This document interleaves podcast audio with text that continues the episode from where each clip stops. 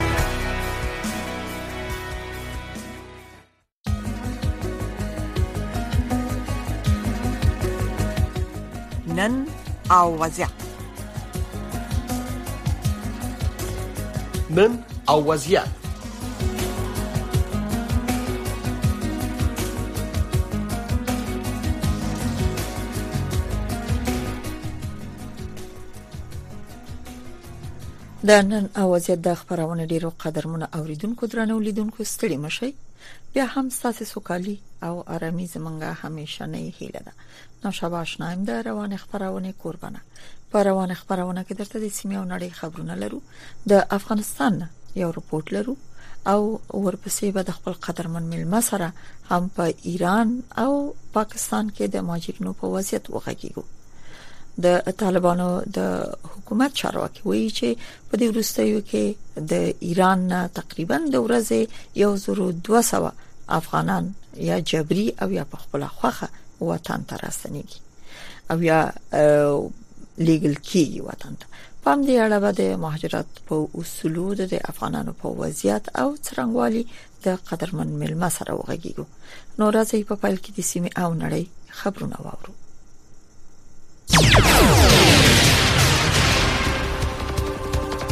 السلام علیکم درنو اوریدونکو تاسو د امریکا غږ آشنا رادیوونه د دې سات خبرونه اورئ زه سید سلیمان آشنا یم یوه امریکایي اداره په افغانستان کې د قابلو او نرسنګ برخه کې د آنلاین زده کړو زمینه برابروي. د امریکا سرمفتش ادارې یا سیګار خبر ورکړی چې د امریکا د نړیوالې پرمختیایي ادارې په یو تازه راپور کې ویل شوي چې د ټولنیزو خدماتو څانګې فعالیتونه چې د عالي تحصیلاتو په برخه کې وو د طالبانو لخوا د نجونو پر تعلیم او تحصیل بندیز لګولو له امله سخت اغیزمن شوي دي.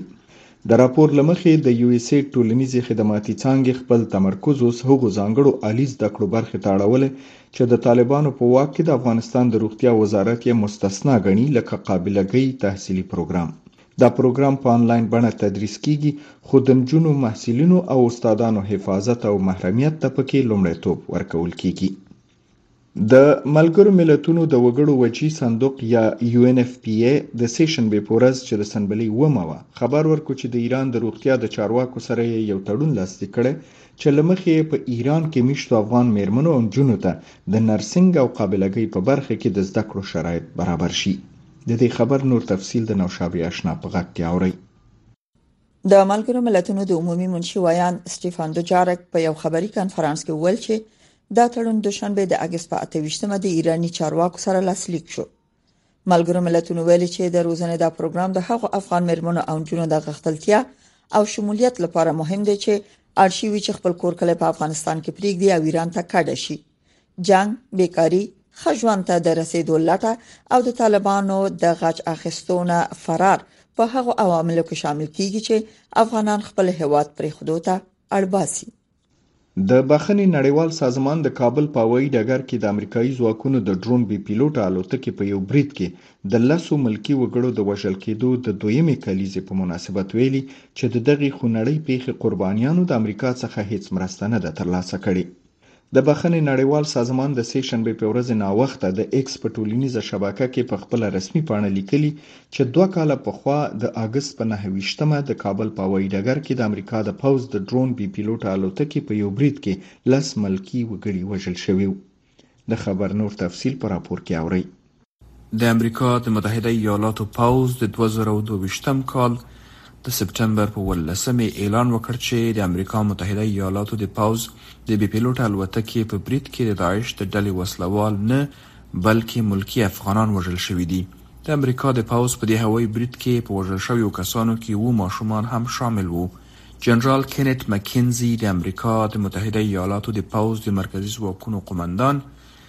د دې پېښې د پلټنو د بشپړېدو وروسته د پلټنو د پایلو د اعلانولو پر مهال دا پېښه د یوې غملړلې اشتباه په توګه یاده کړې وه.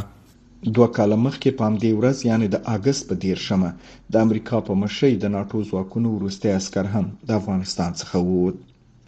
د بخښنې نړیوال سازمان په یو بل ابتکار کې په ټوله نړۍ کې د یوې غوښتنې درخواست کې د نږدې دوه سوه زره خلکو د اعتماد رایې ترلاسه کړي چې د افغانستان د خلکو ملاتړ وشي او د افغانانو د ژوند د ازادیو، وقار او مساواتو حقونو دپاره غږ پورته شي.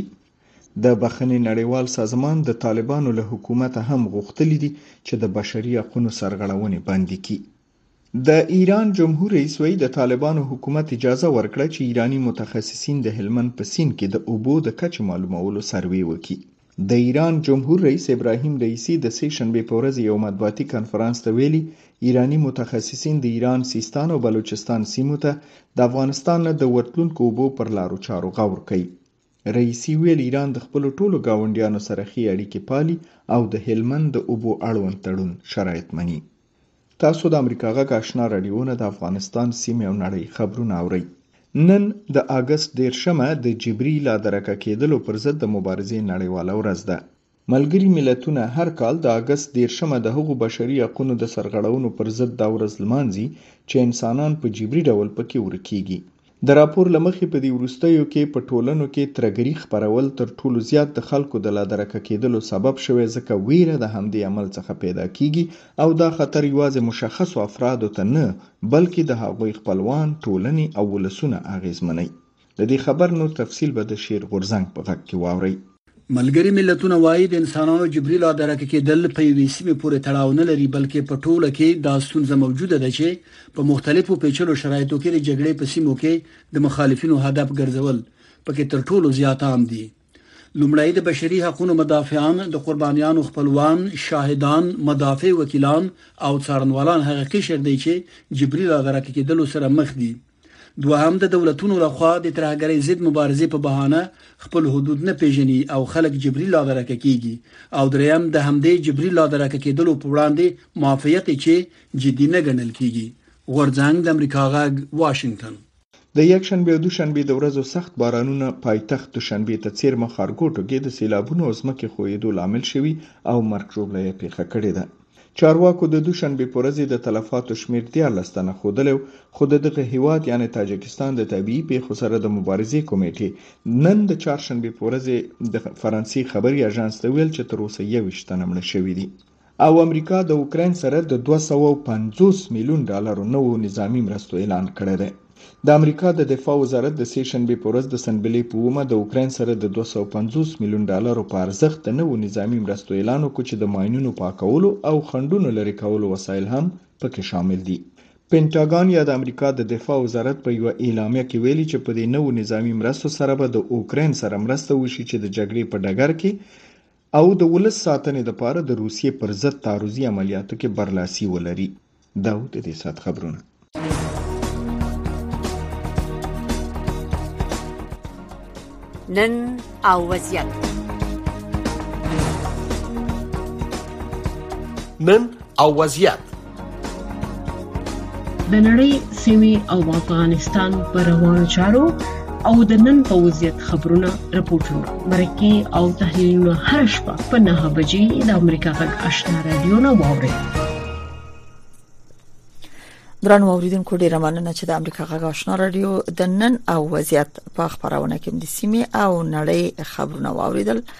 اوس هم ستاسو پام د کابل نه زموږ د قدرمن همکار اکرام شینواری هغه رپورت راګرځو چې د افغانستان د اوبو په سر د ایران سره د خبرو په اړه را لګل پام کوي رپورت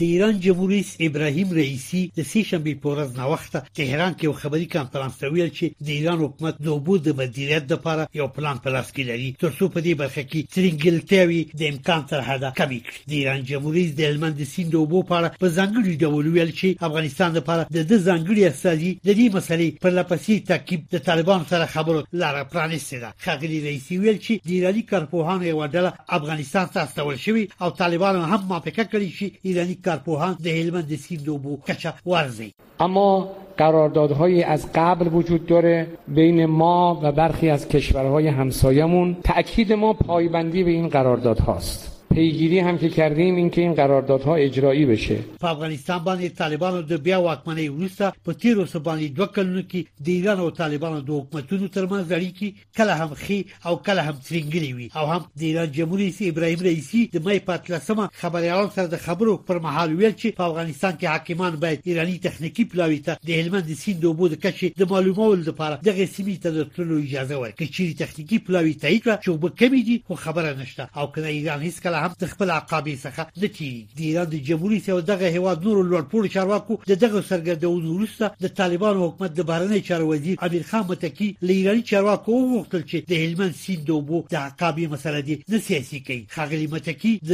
ایران د جمهوریت د ګواښ په ځواب کې ویلي و چې طالبان د ایران او افغانستان ترمنځ په دیارلس سوه پنځوسم لمریز کال کې شوي تړون ته ژمن دي ښاغلي متقي ویلي چې ایران څخه غواړي چې ښه به دا وي چې په مطبوعاتو کې د غوغا د جوړولو په ځای دا ډول مسایل دي د مخامخ خبرو او تفاهم له لارې حل ایراني چارواکو د اګست په دیارلسمه وویل چې طالبان حکومت یو ایراني تخنیکي پلاوي ته اجازه ورکړې چې د هلمند د سیند د اوبو کچه وارزي د طالبان حکومت هم اعلان کړی چې د ایران سره د هلمند د سیند د اوبو د ویش مسله په ښه توګه حل شوې ده د نړیوالو اړیکو یو استاد سرور جعفري د ایران او طالبانو ترمنځ د هلمند د اوبو د ویش په اړه په دې وروستیو کې دغې ستونزې د هوارولو لپاره د همکارۍ د زیاتېدو په باب امریکا غږ ته ویل چې داسې ښکاري چې د ایران او طالبانو ترمنځ ممکن په دې مسله یوه موافقه شوې وي با توجه به این وضعیت ممکنه از روی ناچاری به یک توافقی دست پیدا بکنن چون ایران هم ناگزیری های خود را داره و امارت اسلامی هم در این طرف ناگزیری های خود را داره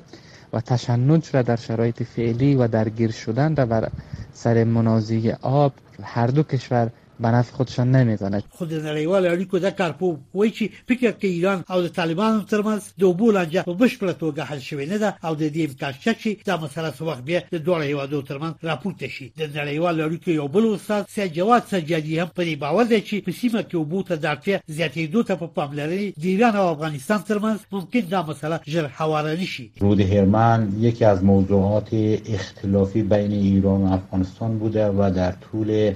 مدت زیاد این بحث در دولت های مختلف جریان داشته و باز هم ممکن است بحث در این باره بالا بگیرد د افغانستان او ایران پخوانیو پاچاهي حکومتونو په دیارلس سوه او یو پنځوسم لمریز کال کې د هلمند د اوبو د ویش تړون لاسلیک کړی و چې له مخې افغانستان باید د هلمند د سیند څخه په کال کې اته سوه او اوولس میلیونه متر مکعبه اوبه ایران ته ورکړي د افغانستان د پخواني حکومت چارواکو ویلي وو چې په تېرو څلور لسیزو کې د جګړو او د افغانستان د اوبو د نه مدیریت له امله هر کال د هلمند د سیند څخه شاوخوا دوه اعشاریه پنځه میلیارد متر مکعبه اوبه چې د دیارلس سوه او پنځوسم کال د تړون د ټاکل شوي حد درې برابره کېږي ایران ته بهېدلي دي. افغانستان او د ایران په ځینو سرحدي سیمو کې د اوږدو کلونو وچکالۍ د سرحد په دواړو خواو کې اوبو ته د خلکو اړتیا ډېره زیاته کړې. د وچکالۍ سربېره افغانستان په دې وروستیو کلونو کې هلمند د سیند په اوږدو کې د کمال خان بند هم اباد کړی دی.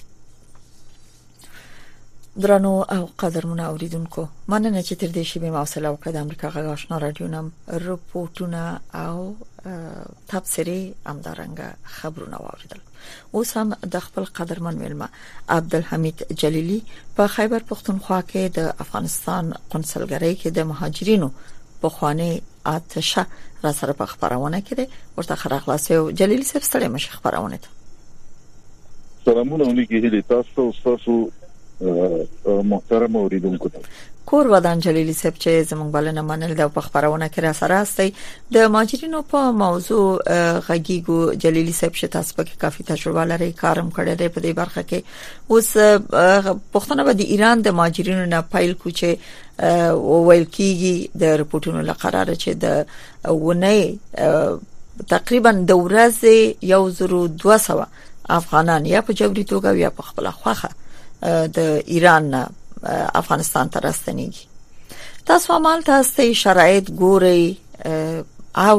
او هرڅه یې نه د افغانستان اوسنی شرایط څومره دې ته مساعد دي چې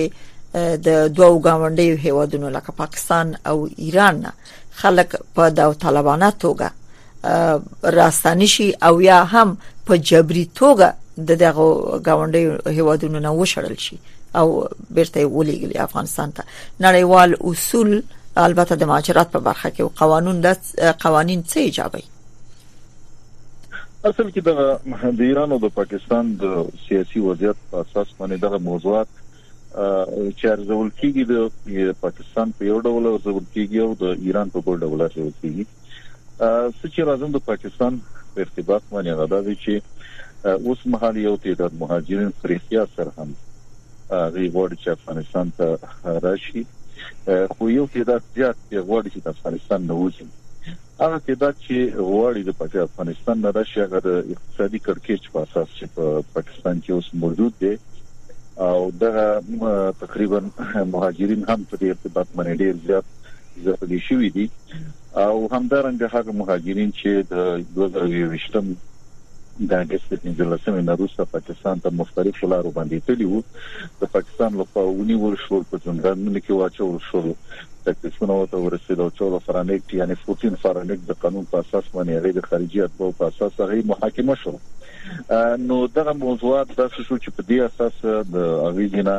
مهاجرین په دوه ډول معنی هغه راځي یو هغه نه چې د اقتصادي کړکېچ په اساس راځي او دویم هغه د چالت دغه مشکلات بله اسی چې په ایران کې دی په ایران کې به توپیر لري د ایران موضوعات په دوه ډول دي یو ته دا دغه دي چې ایران د جمهوریت په وخت کې هم او تر اوسه پورې ډیر مهاجرین زمونږ هلته د په جبر باندې غواړي چې هغه بر د مرز کې اولته هم د ځین مشکلات په اساس باندې دلته موجود دي او دا شته خو یو تعداد دا سړي چې هغه په خپل هم راځي ځکه چې هلته هم د ایرانی پولیسو د ساتوالي په اساس باندې او د خلکو د نیولو په اساس باندې هغه هم تعداد راځي خو د بل خو دا هم د ډیرو نه دي چې په زرهاوو تعداد مهاجرین په غیر قانوني کډوالو کډوال په غیر قانوني ډول باندې د ورځې د ایران ته وړي او ایران ته ځي بله یو تازه خبر د افغان ماجرینو په برخه کې چې د افغانستان د بهرنیو چارو البته د طالبانو د بهرنیو چارو د وزارت د خوانه ویل شوې دي چې 15 یا ماجر د سند ایالت د زندان نه خوشی شوې دي ساز د معلوماتو لمخې دغه بنديان څوک او په کوم جرم نیول شوی وو او څوک یعنی د معلومات لري کوم کټګوري افغانانو تاسو په پاکستان کې اوس مهال چې کوم مشت مهاجرین د څو کټګوري دی او هغه چې تقریبا سوال لکه تعداد هغه تر سیګي چې هغه په یو آر کارت هولډر دی نه د ملل متحد لخوا نه ثبت او راجستر شوی بله. دویم هغه مهاجرین دي چې هغوی ته د افغانستان او پاکستان د حکومت په مشترکه منې ای سي سي کارډونه ورکړي دي او تقریبا د اته نیم لکو پورې مهاجرین دي. بله. دریمه کټګوري هغه مهاجرین دي هغوی ډول اسناد نه لري او خصوصي یو څه په ځانګړي ډول هغه چې د دوه زره او یوویشت د پنځلس د اګست نه وروسته هلته تللي دي نو هغه په سېنا ایالت کې هم بندیان دي، همدارنګه په حیدراباد کې هم شته، په کوټه کې هم شته، پېښور زندانونو کې هم موجود دي. نو د هغوی چې هماغه روتیني شکل باندې هغوی د پاکستان د قانون په اساس چې 1414 فارن ایکټ دی د خارجیات بورډ په ارتباط باندې هغوی ونیول شي چې کله یې د دوی دغه د بند موده پوره کیږي نو هغه بارډر پاس کیږي او هغه خوشی کیږي خوشی کیږي نه بلکې دا بارډر پاس شي او دا د سلسله تقریبا دوامدار روانه ده تقریبا په پیښور کې شاید دوه هفته په دوه هفتو کې یو تعداد مهاجرین بارډر پاس کیږي همدارنګه د کوټې نه بارډر پاس کیږي او دا سلسله تقریبا په دې دوه یا درې کلو کې توقف نه وکړي هغه مهاجرین نیول کیږي او له بل خوا نه دی بارډر پاس کیږي بل جلیلی صاحب تاسو په نظر وبخی خبرم په ګل بدله تاسو په نظر ولې دغه مهاجرینو ته چې مثلا د اگست 15 نه وروسته تللی دي د پاکستان سره د مهاجرینو ستونزه یعنی وسنه نه ده شاید ایران په پرتله به لګه کمه و اما ستونزه د اول نه هم و همدغه کټګوري د اول نه موجود وي را به شو دغه 15 د اگست نه وروسته ول پاکستان افغان ماجر نه مني مثلا که د چا ژوند دلته خطر کې یا داسې قوي کیس ولري تاسو په نظر د اصول او د قوانینو د مخې باید هغه ورته اسناد ورکي ورنکي څه ډول اسناد ورته پکار دي کای نه مني تاسو څه وایي چې په ولې نه مني یو تعداد خو تاسو ته معلومه ده چې پاکستان د هغو ملکونو نه دی چې په نولس سوه یو یو پنځوس کې د جنیوا کنوانسیون نه دی امضا کړی یعنی همدارنګه په شپېتیزه په لسیزه کې چې کوم پروتوکولات او کنوانسیون نشي د مهاجرینو په اړه باندې پاکستان هغه د ځان ملزم نه ګڼي بنان پاکستان هغه انټرنیشنل قوانینو په اساس چې وايي چې مهاجر باید ومني لکه څنګه چې ورته اروپا متحده او څنګه چې په امریکا کې ورته متحد دي پاکستان په هغه اعتبار باندې ځان متحد نه ګڼي خو دا چې پاکستان پاکستاني چارواکو سره په مختلفو وختو کې مونږ په دې ارتباط باندې خبرې کړې هغه دا وی چې مونږ د مخکې نه تقریبا د څو ډول مهاجرینو سره د غي قربتوب هم کړی دی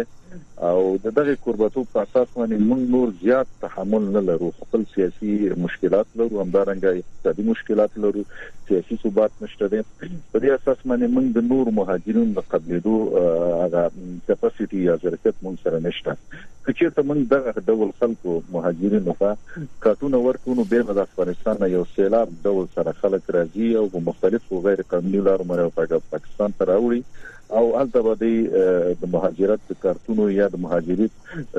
دغه قانوني اسناد غوښتنه کوي بله جلیلی صاحب دغلته مې یو پوښتنه لرله بیا مو وبخښئ چې چون وخت کمی غواړم چې ډېری پوښتنې تاسو ځواب کړئ څه فکر کوئ چې دغه ډول څرګندونه لکه تاسو چې اوس د پاکستان د حکومت هغه نظر د ماجرینو په وړاندې څرګند کړ چې پاکستان دغه څه غواړي د ماجرینو په حق له دغه د هوادونو د حکومتونو د اړیکو په څرنګوالي پورې څومره تړلې دي تاسو وایي دا خو تاسو معلومه ده چې د هر یو هیواد د خپل ګټو په اساس باندې خپل سیاست او همدارنګه خپل هغه تګلاري تعریفوي په دې اساس باندې هغه وخت چې د سړې جګړې وخت او د روسانو موجودیت په افغانستان کې هغه وخت د پاکستان په ګټه و چې مهاجرین هغه قبول کړي خو اوس هغه ګټې په هغه شکل باندې نشته دي نو په دې اساس باندې تاسو معلومه دي چې د حکومتونو هغه تعامل هم د خپل ګټو په اساس باندې او د اوس مهال د فکر کوم چې پاکستان په دغه مهاجرینو کې خپل ګټې نه ګوري او په دې اساس باندې فکر نه کوم چې او نور وتا یا یعنی یعنی په دې بری عبارت چې نور هم ځان ته مشکل احساس کوي نو دغه مهاجرین هغه نقل دی bale جلیلی صاحب د پاکستان ګټه طبعا د نړۍ د عمل په څرنګوالي پورې تړلې ده ځکه چې د افغان ماجرینو په سر په کلونو کلونو کې سید چې افغان ماجرین الته میشتو مکتبونه تحصیل زمینی کورونه آباد کړل مکتبونو ته تلل یو عمر یو نسل الته وروزل شو بلکې دوه نسله خېخیانه وشو ډیر وختونه الته تیر شول اما د دې په بدل کې پاکستان هم د نړۍ نه ډیر ډیر امتیازات ترلاسه کړل پاکستان آباد شو خصوصا د پولي اغاړه سیمه په هر صورت اوس نړۍ څومره ژمنه ده په دې برخه کې فکر کوي څومره د پاکستان دغه ګټه د نړۍ د عمل څرنګوالي پورې تړله او فکر کوي چې نړیواله ټولنه هم په دې برخه کې اوس یو څه پښاشوي دا کڅنګه هغه مهال چې موږ تقریبا د پاکستان سره د تریپایټایټ په غونډو کې ناس و هغه مهال هم پاکستان حکومت دینه ګیلمندو چې نړۍ اوس د مهاجرینو د افغان مهاجرینو په شا اړولې ده او هغه مرستې چې په خوا ورسره کېدلې او پاکستان په هغه باندې عادت وو هغه روایتي مرستې اوس موجودې نه وي نو تاسو ته معلومه ده چې اوس مهال نړۍ ته د یوکران مهاجرین اولویت لري د سوریې مهاجرین اولویت لري د لیبیا او د یمن او دغه موضوعات وته ډیر اولیت لري نو په دې اساس منه هغه مهاجرین د د یونیسیار په هغه یا د نړیوالو د حکومتونو په هغه پیارټي کې یا په اولویتونو کې نه راځي او هغه مرستې او هغه کومکونه چې په فور سره کېدل هغه مرستې کومکونه په هغه محل په هغه انداز او په هغه کیفیت سره نه کېږي د نن پاکستان حکومت هم په دې ارتباط منګي لمنډه او همیشه دا ګیلې د نړیوالو نه کوي چې د ټول مهاجرینو بوج په مونږ دی خو دا موضوع تر کومه اندازې پورې حقیقت لري او تر کومه اندازې پر واقعیت لري دا فکر کوم چې یو طرف ته د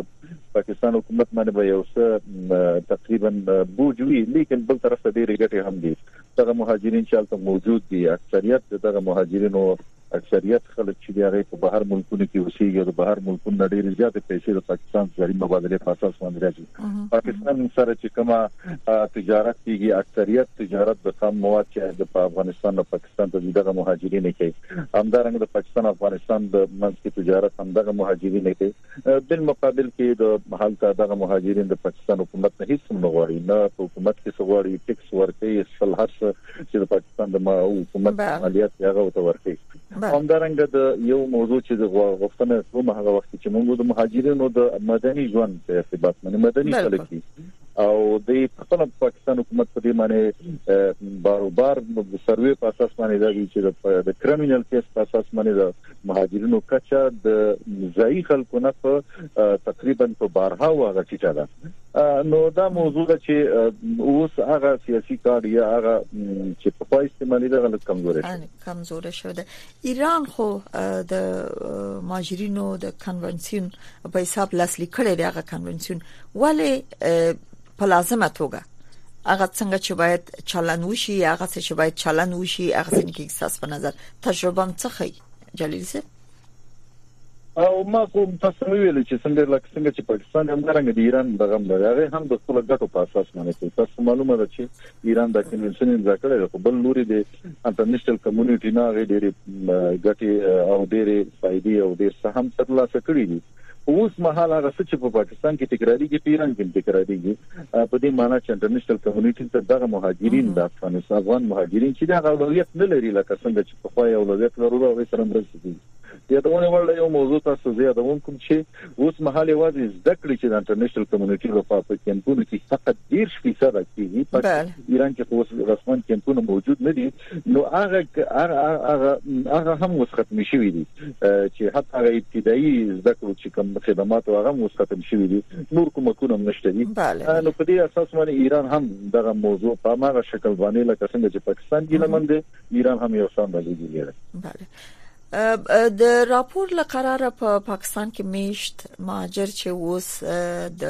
پاکستانی پولیسو د چلند نم تر پوزې راغلي دي او اکثره شکایت موجود دی چې له بده مرغه نن یو بد خبر هم موږ درلوده چې په اسلام آباد کې یوې ځوان جلې ځان د پنځم پور نه غورځولې ده البته همدا چې اسناد تکمیل او اسناد یعنی د اسناد موضوع و چې نو قبول شي یا رد شي وي په هر صورت د اوسېدو زمينه ورته نه برابر نو د همدې درد لامل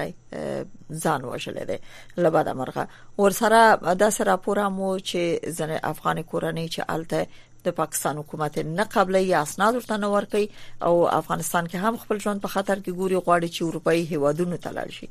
څومره دلته ورته زمينه برابرېدل شي څومره امکانات ورته موجودي او څه کېدای شي دغه مهاجرینو د وضعیت بدلیدو لپاره ځکه افغانستان کې مرته شرایط د سړي چې ځان ژوند په خطر کې ګوري او پاکستان هم ورسره د سې وضعیت کې د خلک چیرته لاړ شي نړیواله ټولنه د مهاجرینو د ملګرو ملتونو د مهاجرینو اداره په دې برخه کې څه کول شي تاسو سره په دې ارتباط باندې بالکل موافق یم او هغه دا چې زمونږ هغه تعداد مهاجرین ورونه کډوال چې پاکستان ته تللي دي نو هغه تقریبا اوس په زیاتره په اسلام آباد او په نورو ځایونو کې چې اوسېږي په دې تمام باندې چې نن به کیس تبدیل او دی بځي او یا سي انټرویوګانې ورکړي دي سي انټرویوګانې پاتې دي یا سي ابتدایي حالات کې دي یا تقریبا د هلته غوښتل شوی دي او د بل خوانه د شارپ د ادارې لخوانه چې د یونیسیار د فقط غیر د یو وړي په کاغذ باندې په قلم باندې یو لیکل شي چې دی یو لري وړي ټوکن اخوا ته بل سند نه لري او دا خلک تر تبلیدو پورې د دې نشي کولای چې په آزادانه باندې ګشت گزار وکړي ازانه ډول باندې کاروبار وکړي یو د قواخ لرو جلیل سره نو دا یو موضوع دا یو غټ مشکل دی چې باید د ملګرو ملتو اداره د پاکستان د حکومت سره په دې هکله باندې جدي بحث وکړي تر څو پورې دغه مهاجرین بسون کې بیران دغه یو غټه تراژیدي ده د موجوده ده نه یوازې په اسلام آباد کې بلکې په خبر کې هم موجوده ده او په نورو ځایونو کې چې 2023 نه روسي د مهاجرین تللی دي د په ډېر سخت مشکلاتو کې دي او دا یو دغه تر څو چې بله یو خو د افغانستان د وسنۍ چارواکي او ملګرو ملتو اداره د سره تمونی کې د موضوع بدروانه دی ډیر من جلیلی صاحب تاسو نه ډیره مننه چې په دې مهمه موضوع او اوریدونکو سره خپل نظر شریک کړ کورم ودان پران اوریدونکو د نن وضعیت خبرونه په هم دي چې پای ته رسیدي مننه چې لیدونکو او اوریدونکو واسطه کورم ودان په لاندې شیبو کې د تاسو غاکه صداي شما خبرونه پیلېږي اوریدل مهرباني